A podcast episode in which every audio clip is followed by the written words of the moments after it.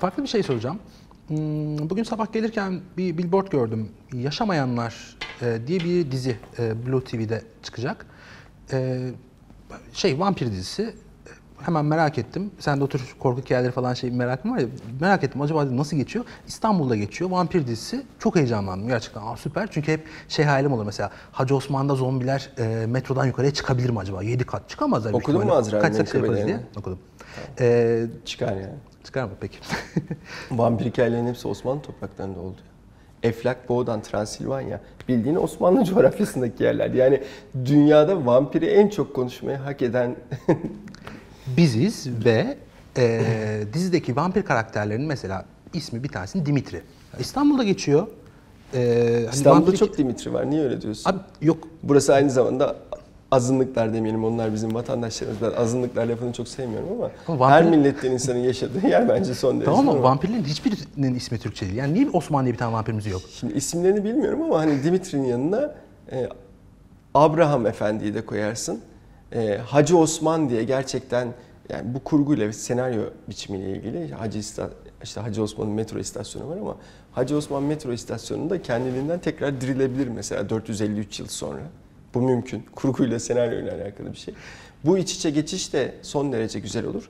Eğer öyle yapmadılarsa ben de seninle aynı düşünüyorum. Yani okumadığım bir senaryo, izlemediğim bir film Ben üzerine ee, sadece gazete haberlerinden ben de birkaç baktım ama yani e, şöyle değerlendirin. Bir televizyon formatının başarılı olabilmesi için mutlaka içerisinde yerellik unsurunun olması gerekiyor. Çünkü eğer böyleyse yani sadece bir şeyin taklidi şeklinde ilerliyorsak zaten çok güzel Amy dizileri var. Blue TV, Poo TV açacağıma açarım Dijitürk'te veya işte bir platformdaki bir kanalı çekilmiş, güzel prodüksiyonlu, çok iyi oyunculuklu, muhteşem senaryo dizileri izlerim. Ben İstanbul'da vampir izleyeceksem İstanbul'un her unsurunun içerisinde görmek isterim. Yerelliğini, tarihini görmek isterim. İstanbul'un insanını görmek isterim. Bana ilişkin bir şey görmek isterim.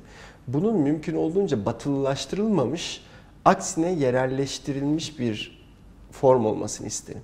Zaten bir işin başarılı olup olmamasının da arkasında yatan nedeni bu oluyor. Yani sadece bu vampir dizisiyle ilgili söylemeyelim. Bakın televizyonlara. Televizyonlarda şu an yani son herhalde 7-8 yıldır izlediğimiz filmlerin çoğu Kore menşeli filmler. O kadar çok Koreli filmler dolaşıyor ki etrafta. Kore dizileri, sinemalaştırılan Kore senaryoları.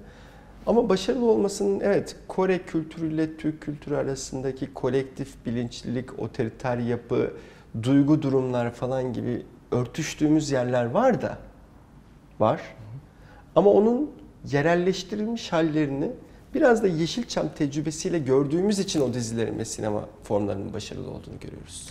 Couples'ın mesela Türkiye'de çok az bir izleyici kitlesi dışında bir İngiliz komedisi. Çok zeki bir dizi. Ben çok seviyorum.